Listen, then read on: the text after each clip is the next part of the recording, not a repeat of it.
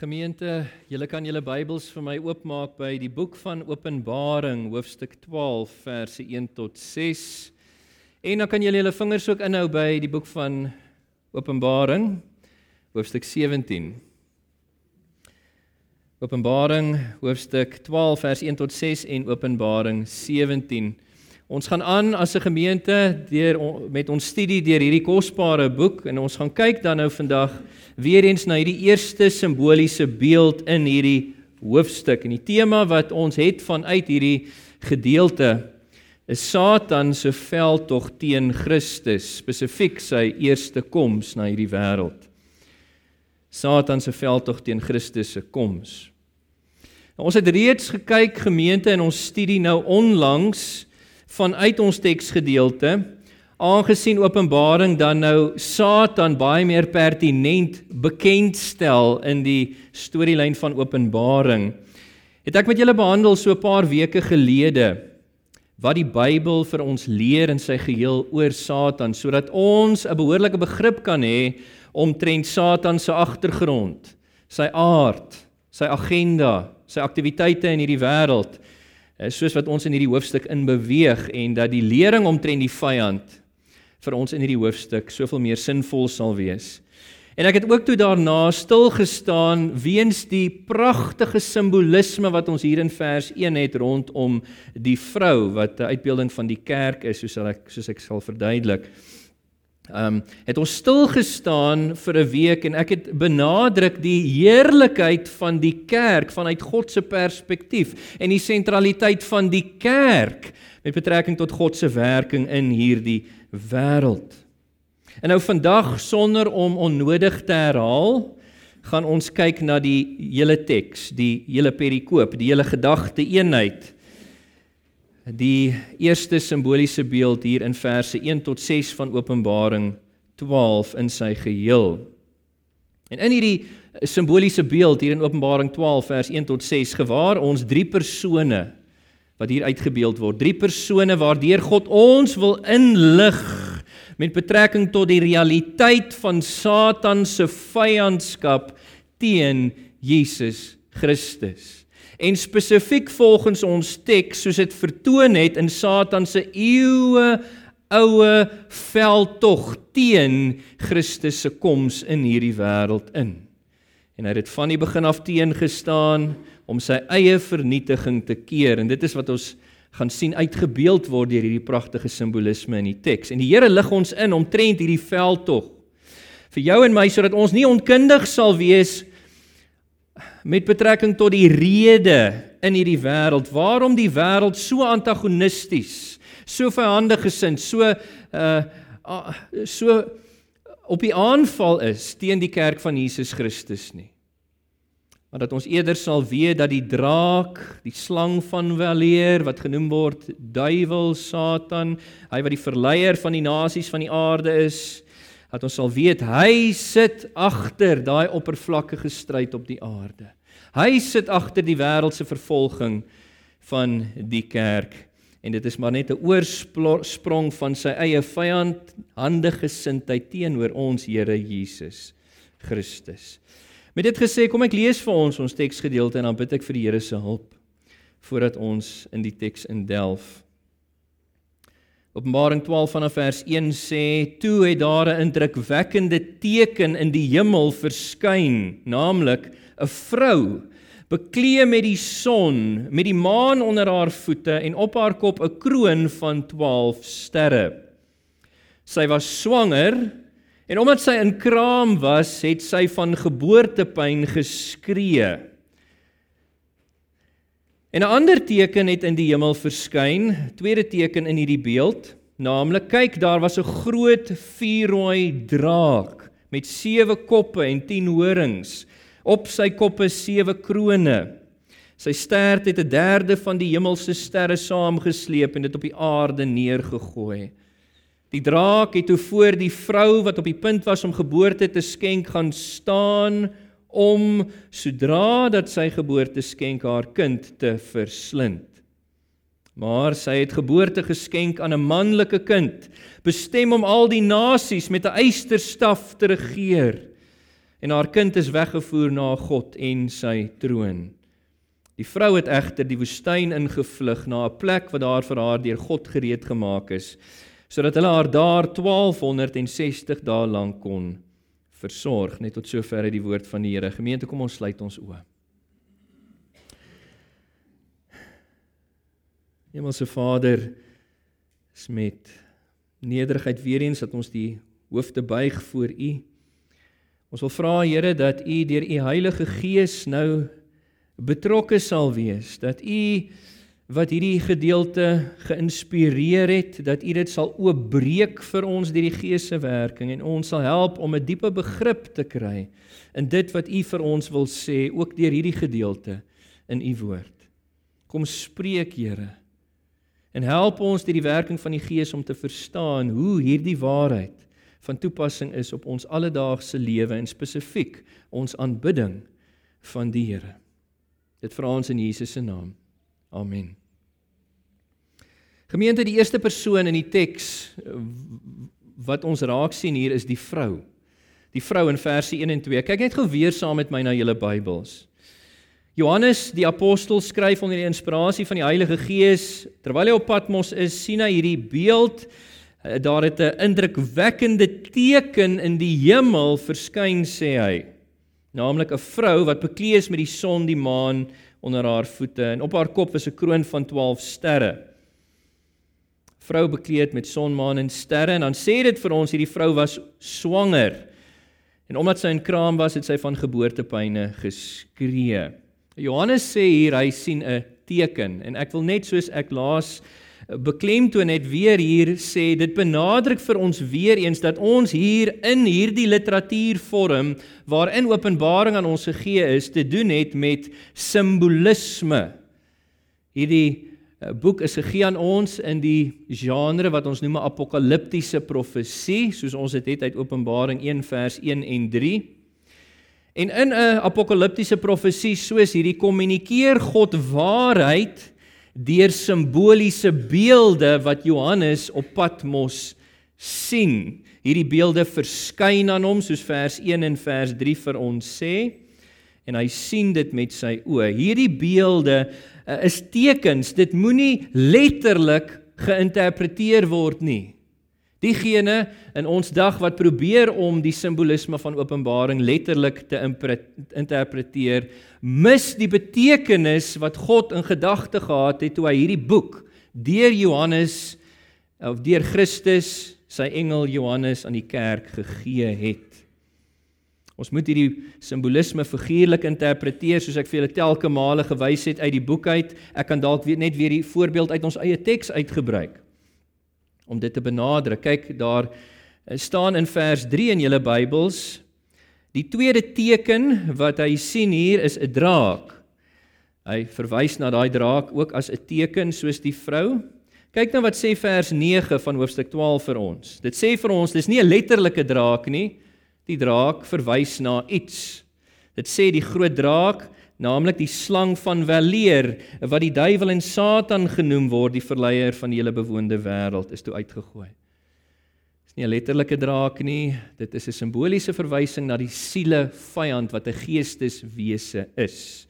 En dit is uh, met hierdie op hierdie figuurlike wyse dat ons die simbolisme moet verstaan. In elk geval, wie is hierdie vrou wat verskyn hier in vers 1 kan ons vra en wat beeld sy dan nou uit? Die normale Griekse woord vir 'n volwasse vroulike persoon gonei word gebruik in die teks. En soos wat ek julle in 'n vorige boodskap gesê het, hierdie is 'n uitbeelding van die kerk in haar Ou Testament vorm of samestelling. Dit wil sê die uitverkorenes of die gelowiges vanuit die volk Israel. Julle wat die skrifte ken, weet dat God dikwels sy Ou Testament volk genoem het sy vrou. Israel van oud soos dikwels genoem die moeder van alle Ou Testament gelowiges. Tekste soos Jesaja 50 vers 1 Jesaja 54 vers 1 Hosea 2 vers 1 ek het hierdie tekste vir julle gekwoteer in 'n vorige boodskap. 'n sterk bewys dat hierdie vrou verwys na God se kerk onder die ou verbond of in Ou Testament tye is die feit dat sy hier gekonnek daar's 'n konnektasie hier met die son, maan en sterre. Sy's bekleed daarin.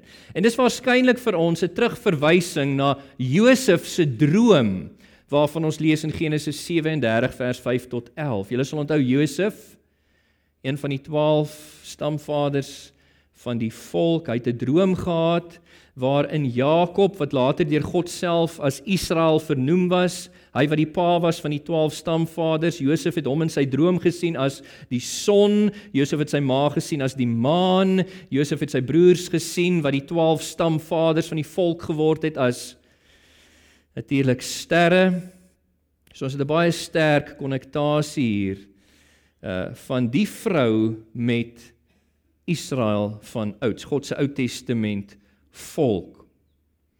En ons ek het vir julle ook uitgewys en ek wil weer dit beklemtoon hier. Hier is 'n les wat ons leer deur God se uitbeelding van sy kerk as hierdie vrou kosbaar uitgedek met die son, maan en sterre, naamlik dat vanuit God se perspektief, onthou vers 1 sê vir ons Johannes sien hierdie beeld in die hemel.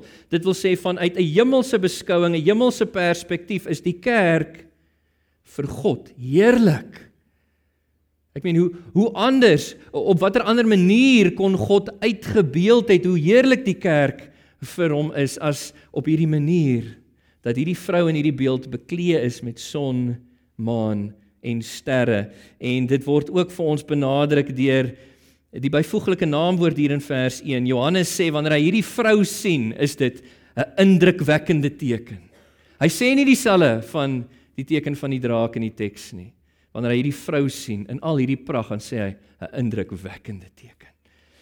Vir ons beklemtoon die waarde wat God aan die kerk in Christus Jesus verleen. Dan sê dit vir ons hierdie vrou in hierdie beeld was swanger in vers 2. Nou, dit is waar dat die Ou Testamentiese verwagting vanaf so vroeg as Genesis 49 vers 10. Jy hoef nie soontoe te blaai nie. Ek wil dit net vir julle lees. 'n uh, Eerste profesie in die Ou Testament geskrifte dat die Christus as 'n Jood uit die stam Juda vanuit die volk gebore sou word. Men uh, Jakob het sy seuns geseën vanaf vers 8.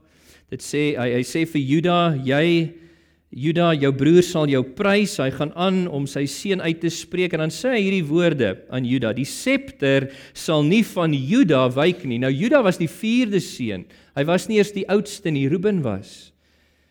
Maar dis 'n insiggewende profesie dat die Christus, hy wie die nasies met 'n eyster septer sou regeer soos die teks sê, sou uit Juda gebore word. Luister nou mooi, die septer sal nie van Juda wyk nie, ook nie die herder, die heerser staf konnektasie met ons teks tussen sy voete nie totdat hy let op hoofletter hy hierdie uh, persoonlike voornaamwoord totdat hy verwysend na die Christus wat sou kom wat beloof was so vroeg as Genesis 3 vers 15 totdat hy aan wie dit behoort aan wie hierdie eyster of heerser staf behoort kom en volke aan hom gehoorsaam is. Dit was die ou testamentiese verwagting as 'n Jood uit die volk Israel sou die Christus gebore word. Ehm um, ek wil net iets anders ook vir julle wys. Dit was die die verwagting van die volk self gewees. Dit was hulle eie persepsie gewees. Byvoorbeeld in Deuteronomium 18 sê Moses wie die tipe van Christus was, ook koning, priester, profeet oor die volk in sy dag. Hy sê vir die volk op die pleine van Moab voordat hulle die beloofde land inneem, hierdie woorde. Deuteronomium 18 vanaf vers 15. 'n Profeet hoofletter P hierso, natuurlik Moses verwys na die groter profeet wat na hom sou kom, die Christus. Luister, 'n profeet uit jou midde, iemand uit jou volksgenote, soos ek, sal die Here jou God vir jou laat opstaan, na hom moet jy luister en uh, dit het natuurlik in vervulling gegaan net so soos wat geprofeteer was. Romeine 9 Ehm um, Paulus praat hier sonder inspirasie van die Heilige Gees oor die voorregte wat Israel van ouds gehad het, God se Ou Testament volk. En uh, dan sê hy hierdie woorde in vers 5 van Romeine 9. Uit hulle het ook die Christus as mens na die vlees gekom, hy wat God bo alles is lofwaardig vir ewig. Amen. En dit is presies wat hier uitgebeeld word vir ons. Hierdie swangerskap van hierdie vrou dui op daai Ou Testamentiese verwagting dat Christus sou met sy eerste koms uit die volk uitkom, uit die stam Juda. Te midde die kerk in haar Ou Testament vorm of samestelling. Dan 'n tweede persoon wat aan ons bekend gestel word in hierdie beeld is die draak in verse 3 en 4 die draak. Kyk dit geweet na die Bybel saam met my en volg my soos hierdie storie wat die beeld vertel um ontvou. Vers 3 sê nou, 'n ander teken het in die hemel verskyn. Kyk, daar was ook 'n groot vuurrooi draak, nie net 'n vrou wat swanger is nie, maar 'n draak met sewe koppe, 10 horings en op sy koppe sewe krones. Nou hierdie draak se stert het 'n derde van die hemelse sterre saamgesleep en dit op die aarde neergegooi. Die draak het toe voor die vrou wat op die punt was om geboorte te skenk gaan staan om sodra sy geboorte skenk haar kind te verslind. Net tot sover. Nou weer eens hierdie hierdie teken of hierdie draak word ook 'n teken genoem hier in vers 3. 'n Ander teken Die leksikon sê dis ander van dieselfde soort met met ander woorde net soos wat hierdie vrou in vers 1 en 2 'n simboliese uitbeelding was wat waarheid kommunikeer, is die draak dit ook, soos ek julle verduidelik het. Die Griekse woord wat hier gebruik word vir draak is die eh, woord drakon, waarvan ons die Engelse woord dragon of draak kry. Dit is 'n legendariese gedierte uit antieke mitologie ken ons dit gewoonlik eh, geag as 'n monsteragtige en 'n gevlerkte slang of reptiel. Nou dit is niks anders nie gemeente as 'n uitbeelding van Satan, soos ek vir julle gelees het in vers 9. Dit sê vir ons hier in vers 9 van hoofstuk 12 die groot draak, hy is die slang van weleer, die slang van ouds wat duiwel en Satan genoem word, die verleier van die hele bewoonde aarde. In Openbaring 20 vers 2 word die draak ook as sulks uh, verduidelik. En die feit dat Satan hier deur die teken van 'n draak uitgebeeld word, kommunikeer aan ons iets oor die aard, die natuur van Satan, naamlik dat Satan wat 'n geesteswese is, hy is 'n genadeloose, hy is 'n gewelddadige, hy is 'n gruwelike monster om dit sagkens te stel. En dan hier in vers 3 en 4 leer ons kosbare lesse oor die sielevyand. Let saam met my op in julle Bybels. Eh, dit sê word vir ons gesê hier in die tweede helfte van vers 3 dat hierdie draak was groot. Johannes sien 'n groot draak wat uh, draak wat vir ons iets sê van die mag van Satan. Hy's niemand se speelmaat nie, soos ek in 'n vorige boodskap vir julle uitgewys het. Selfs Michael die aartsengel het respek vir Satan wanneer hy in 'n woordestryd met Satan is oor die liggaam van eh, Moses in Judas vers 9 durf hy nie 'n vloek teen Satan uitspreek nie hy sê die Here vervloek jou. Satan is magtig hy het volle mag oor demone die bose geeste in die lig Leer die Bybel vir ons, hy het mag oor die natuur en soverre God dit aan hom gee. Ons sien dit in die geval van Job, hy het mag om siekte te veroorsaak en soverre God dit aan hom eh, toestaan. Ons sien dit ook in die voorbeeld van Job. Hy het mag om gelowiges te tuister soos wat hy gemaak het met Paulus volgens 2 Korintiërs 12 engel van of 'n demoon van die vyand wat hom konstant plat geslaan het. Hy het eh, kyk sy mag strek wyd. Sy mag strek oor sekulêre regerings oor sosiale die sosiale realm dit strek oor die geestesfeer en selfs bereik dit die kerk waar Satan wolwe in skaapsklere die kerk laat infiltreer om sy werk in die midde van die gemeentes van Christus te doen. Satan is magtig uitgebeeld deur hierdie groot draak. Ons leer ook 'n nog 'n les en en dit is uit die feit dat Satan hier beskryf word as 'n vuurrooi draak. Die Griekse woord um, is met verwysing tot daai rooi oranjerige kleur van vuur wat brand. Met ander woorde, dit word vir ons gekommunikeer Satan is soos 'n brandende vuur, verwoestend. Ek meen blaai gou twee bladsytjies terug. Openbaring 9 vers 11. Daar was dit van Satan gesê die engel van die onpylbare diepte waar hy tans gebind is sodat hy die nasies nie meer sou mislei nie. Ehm um, hy hulle hy was hulle koning in Hebreëus is sy naam Abaddon in Grieks Apollyon en as jy kyk in die voetnota van jou Bybel sal jy sien beide daai name beteken verwoester. Dit is wat hy is. Hy is 'n verwoester en dit is ook wat geïmpliseer word deur die apostel Petrus as hy sê in 1 Petrus 5 vers 8 en 9 Satan loop rond soos 'n brullende leeu op soek na wie hy kan verslind. Nog 'n les wat ons leer van Satan is nie net hy is groot, magtig nie, vuurrooi verwoestend nie, maar hy word uitgebeeld as 'n draak met sewe koppe en sewe krones. Nou waarvan praat die teks? Ek wens ek kon een van my ouderlinge vra om op te kom en verder aan te gaan. Ja, nie alles in die simbolisme van Openbaring is maklik om te verstaan nie, maar gemeente, let op. Ons mag nooit allegoriseer nie. Dit wil sê ons mag nie geheime betekenisse gee aan elemente in die woord van God wat ons sommer uit ons duim suig nie.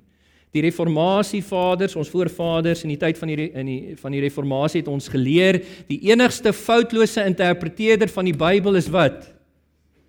Die Bybel self. En ons moet toelaat dat die Bybel homself interpreteer. So daarom het ek gevra, hou julle vingers by Openbaring 17. Ek wil gou saam met julle lees in verband met hierdie sewe koppe en sewe krones. Openbaring 17 vers 9 sê Hiervoor is insig met wysheid nodig. In ander woorde, vanuit die staanspoor gemeente is nie 'n voor die hand liggende verduideliking wat hierdie sewe koppe voorstel nie. Insig met wysheid. Dan sê hy die sewe koppe is aan die een kant sewe berge waarop die vrou sit, die vrou wat eh, die hoer Babylon wat uitgebeeld word in Openbaring 17 se begin. So sewe berge En dan daar is ook sewe konings. So hierdie sewe koppe is sewe berge en sewe konings. Ek sal nou verduidelik hoe hulle samehang. Vyf het tot 'n val gekom alreeds. Daar is nou een koning en die ander een het nog nie gekom nie en wanneer hy opdaag, moet hy vir 'n klein rukkie, 'n kort tydjie bly. Kom ek lees net eh, tot daar. Wat is hierdie sewe berge?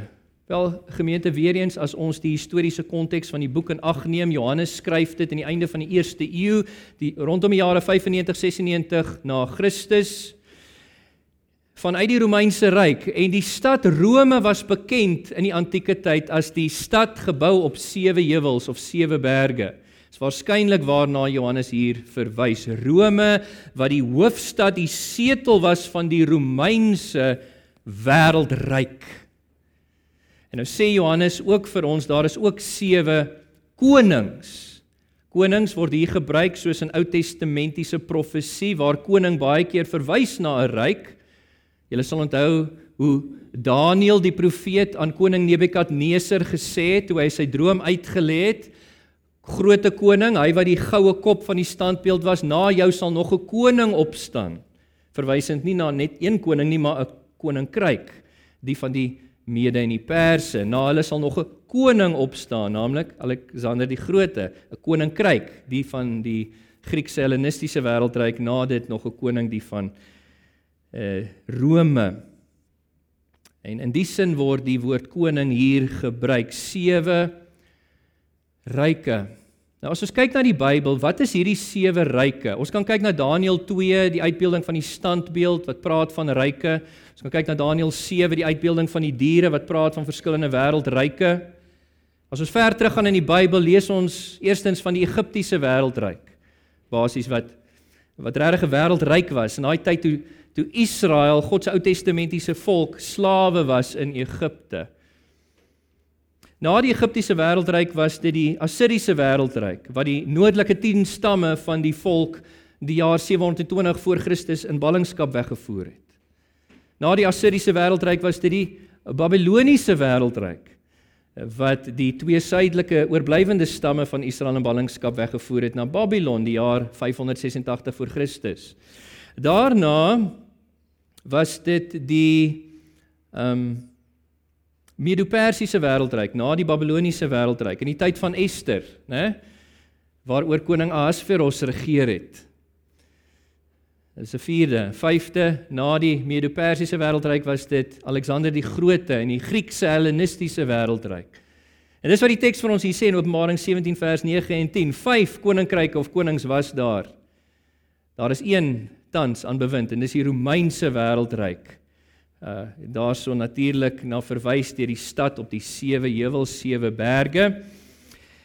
In Johannes se dag, een het nog nie gekom nie. Nou sedert die verlossingswerk van Jesus in die eerste eeu tydens die Romeinse wêreldryk, toe Satan gebid was sodat hy die nasies nie meer sou mislei nie, was daar na die val van die Romeinse wêreldryk nie weer 'n wêreldryk nie.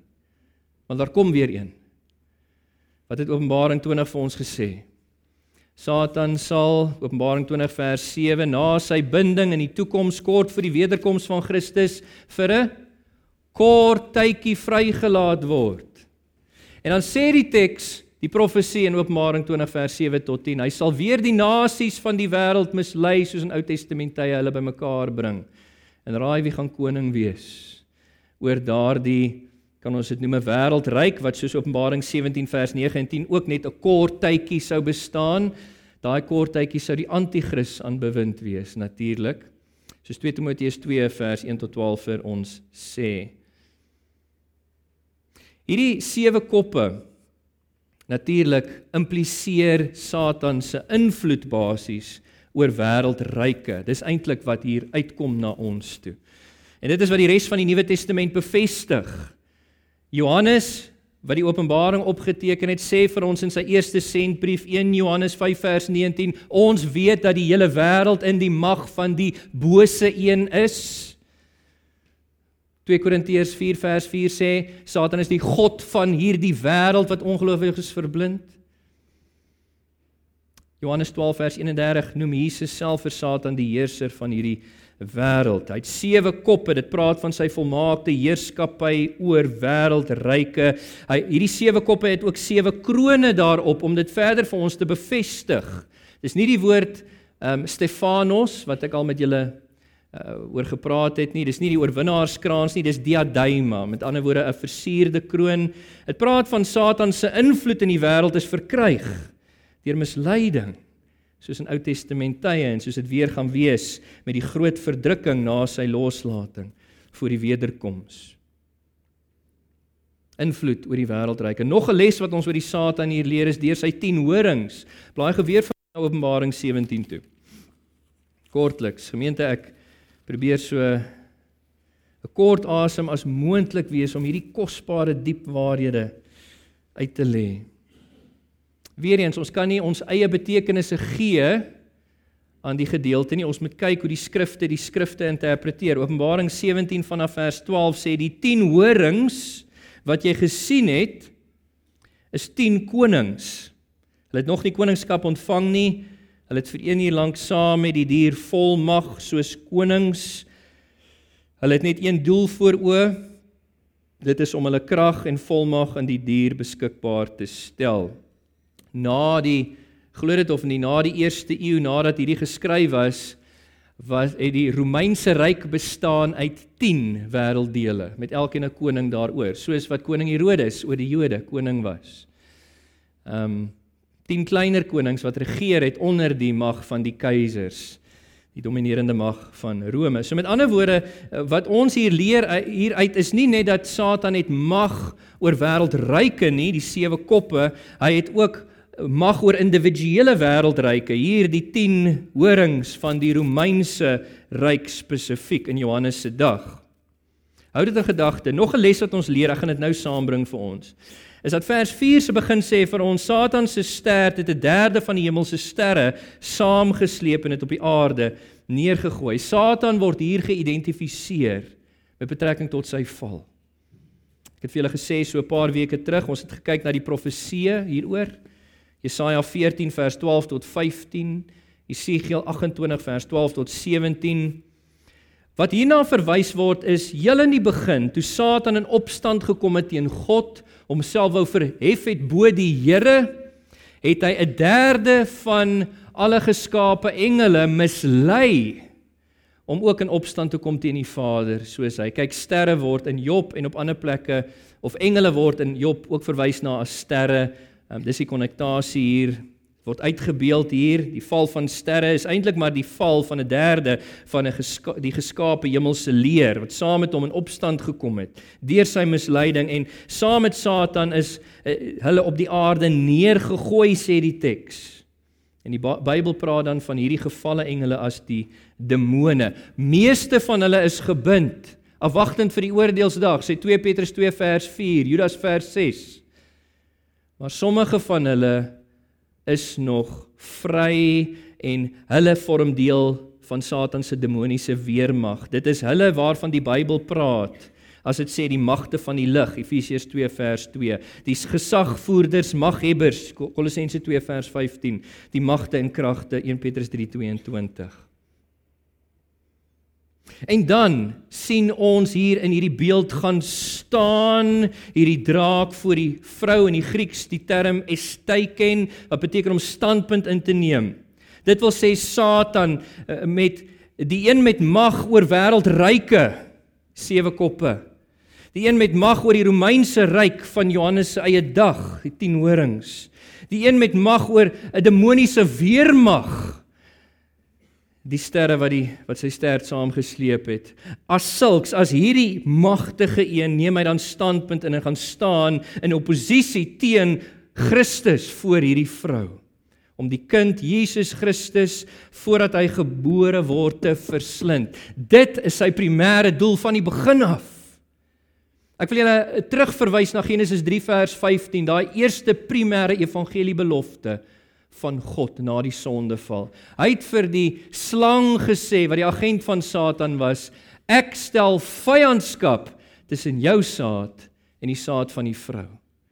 En van die begin af was dit so. Satan het probeer om die saad van die vrou eh, uit te delg sodat die verlosser wat beloof was, Christus nie gebore sou word om sy vernietiging te bewerk nie. En die Bybel, eintlik die Ou Testament is vir ons eintlik maar 'n 'n lang geskiedenis, 'n rekord van Satan se oppositie teen Christus.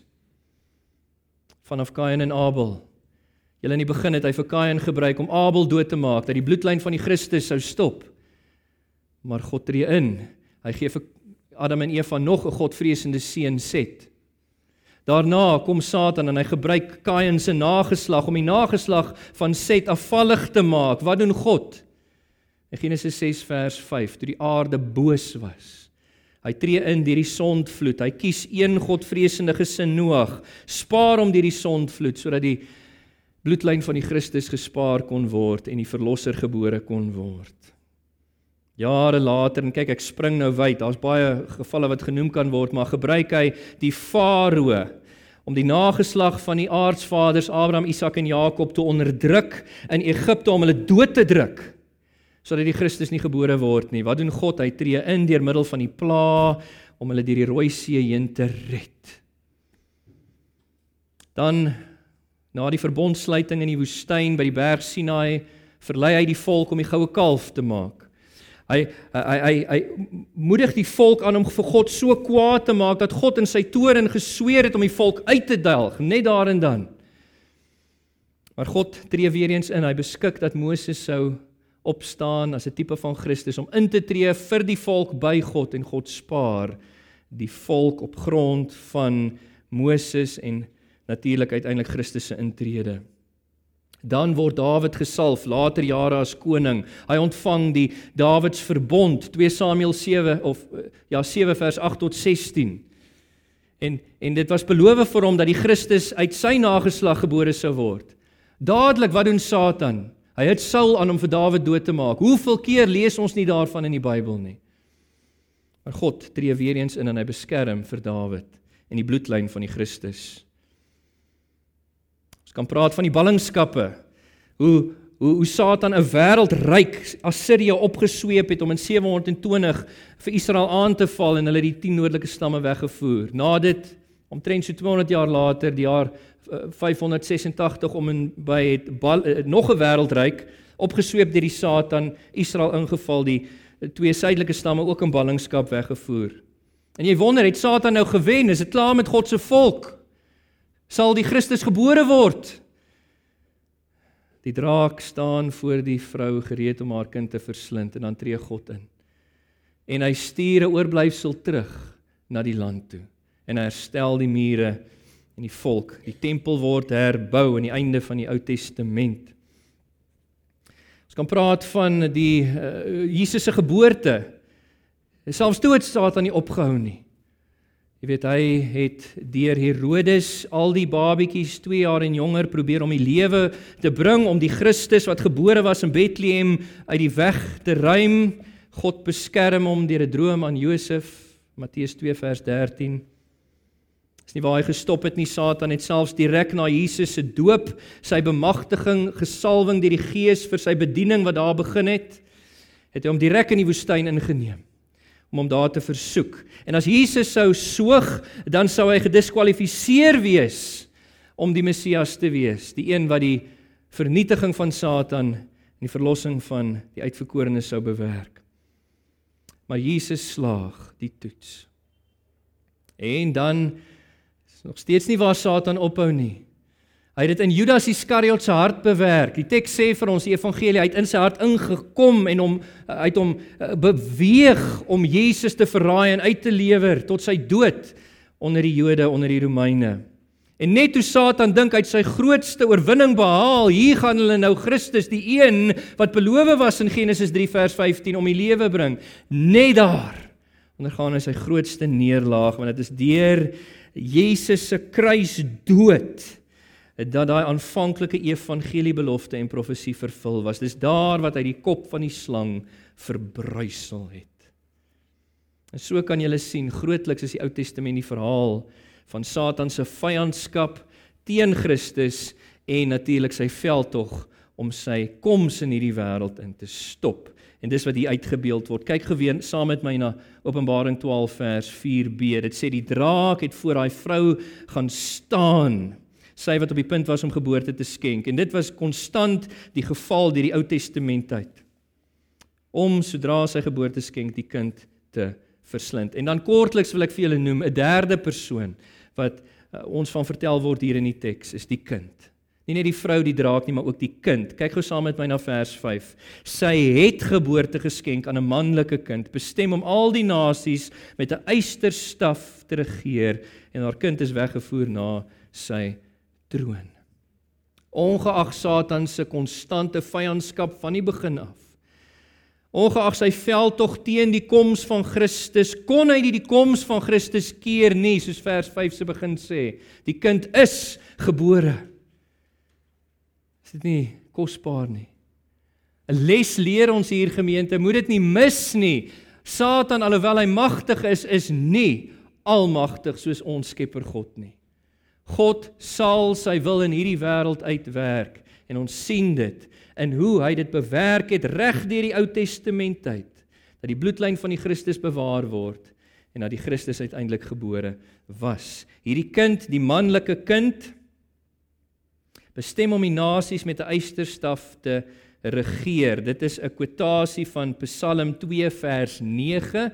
Jy hoef nie so intoe te blaai nie, maar daar het God die Vader dit beloof in daai messiaanse Psalm dat die Christus, hy wie sy seun is en wie hy welbehaag het, dat God aan hom al die nasies sou gee en dat hy met 'n eysterstaf, die die dieselfde bewoording, sou regeer oor die nasies. Jesus sê dit het in vervulling gegaan na sy suksesvolle verlossingswerk en sy hemelvaart waar hy gekroon is aan die regterhand van God die Vader se mag. Kyk gaan na Openbaring 2 vers 26. Jesus is aan die woord. Hy sê hier wie oorwin en tyd vashou aan wat ek sê, sal ek mag gee oor die nasies. Hy sal hulle as 'n herder lei met 'n eysterstaf, dieselfde wat Christus van sy Vader ontvang het, en hulle soos kleipotte stukkend slaan, soos ek dit ook van my Vader ontvang het. Hierdie mag het Christus met sy hemelvaart ontvang toe hy gekroon is aan God die Vader se regterhand van mag met eer, heerlikheid en 'n koningskap, sê Daniël 7 vers 13 en 14. En ek wil nie net dit uitwys nie. Ongeag Satan se vyandskap en veldtog kon hy nie die koms van die geboorte van Christus keer nie, maar hy kon ook nie die kruis van Christus keer nie. En dit word ook opgesin speel in die teks. Hy kon nie sy eie vernietiging keer nie. Jesus het die kruis weggestap en deur Jesus se plaasvervangende kruisdood, sy begrafnis, sy liggaamlike opstanding, sy heerlike hemelvaart was die profesie van Genesis 3:15 vervul. Hy het die Satan se kop verbrysel alhoewel dit hom sy dood gekos het, hy was in die hakskeen gebyt. Soos vers 5 se einde vir ons hier sê. Haar kind is weggevoer na God. Satan kon nie sy verlossingswerk aan die kruis keer nie. Hy het geslaag en God het hom daarom opgeneem en in sy gewend dat dit noem hy's opgeneem nie net na God toe nie maar ook na sy troon waar God hom gekroon het met mag oor die nasies. Christus regeer nou as heerser oor die heelal, maar na sy wederkoms met die oprigting van die nuwe hemel en aarde sal hy op 'n meer volmaakte wyse regeer in ons teenwoordigheid. Gemeente, ek weet ek was 'n lang asem vanoggend. Dankie vir julle geduld. Volgende week kyk ons as die Here wil en vertoef om te kom na die tweede simboliese beeld in die teks van vers 7 na vers 12 wat vir ons uitbeeld Satan se veldtog teen Jesus se kruis, soos ek dit nou genoem het. En dan na ons gemeentekamp as die Here steeds vertoef om te kom, sal ons kyk na die derde simboliese beeld in Openbaring 12 vers 13 tot 17 wat praat van Satan se veldtog teen die kerk van die Here. Jy sien, Satan kon nie sy hande slaan aan die Christus nie. En daarom draai hy sy woede na die vrou, die kerk beide in haar Ou Testamentiese en soos ons sal sien ook in haar Nuwe Testamentiese vorm en dis hoekom ons lees hier in vers 6 die vrou moes en het egter die woestyn ingevlug na 'n plek wat daar vir haar deur God gereed gemaak is sodat daar vir haar 1260 dae lank versorging gebied kom word. Laat ek net afsluit met hierdie woorde: Ere aan God gemeente. Ongeag Satan se vyandskap teen die Christus, ongeag sy veldtog teen die koms, was Jesus gebore in vervulling van God se belofte. Hy het Satan se kop verbrysel. Hy het verlossing vir jou en my bewerk. Amen. Hemelse Vader, ons eer U vir U woord wat so duidelik na ons toe gekom het. Here, hierdie waarheid is so belangrik vir ons om te verstaan wat is in die geestesrelm aan die gang agter die wêreldse vervolging van die kerk dat dit Satan is wat van die begin af vyandig gesind was teen ons Here en dit ook op ons uithaal. Dankie ons almagtige soewereine Vader dat U dit so beskik het dat Satan alhoewel magtig nie U kon uitoorlê nie. En Here dat U U plan, U belofte vervul het dat Christus welgebore was om die kruisweg vir ons te stap. Alhoewel die draak voor die vrou posisie ingeneem het om die kind te verslind, Here het dit nie gebeur nie. Sy het geboorte geskenk aan 'n manlike kind, die een wat bestem was om die nasies met 'n eysterstaf te regeer. En Satan kon ook nie sy verlossingswerk keer nie want hy was opgeneem na sy nadat hy geslaag het na u en u troon. Here, ons eer u. Ons eer u vir hierdie vervulling. Wees die naprediker van die woord tot ons harte in hierdie week wat voorlê. Dit bid ons in Jesus se naam. Amen.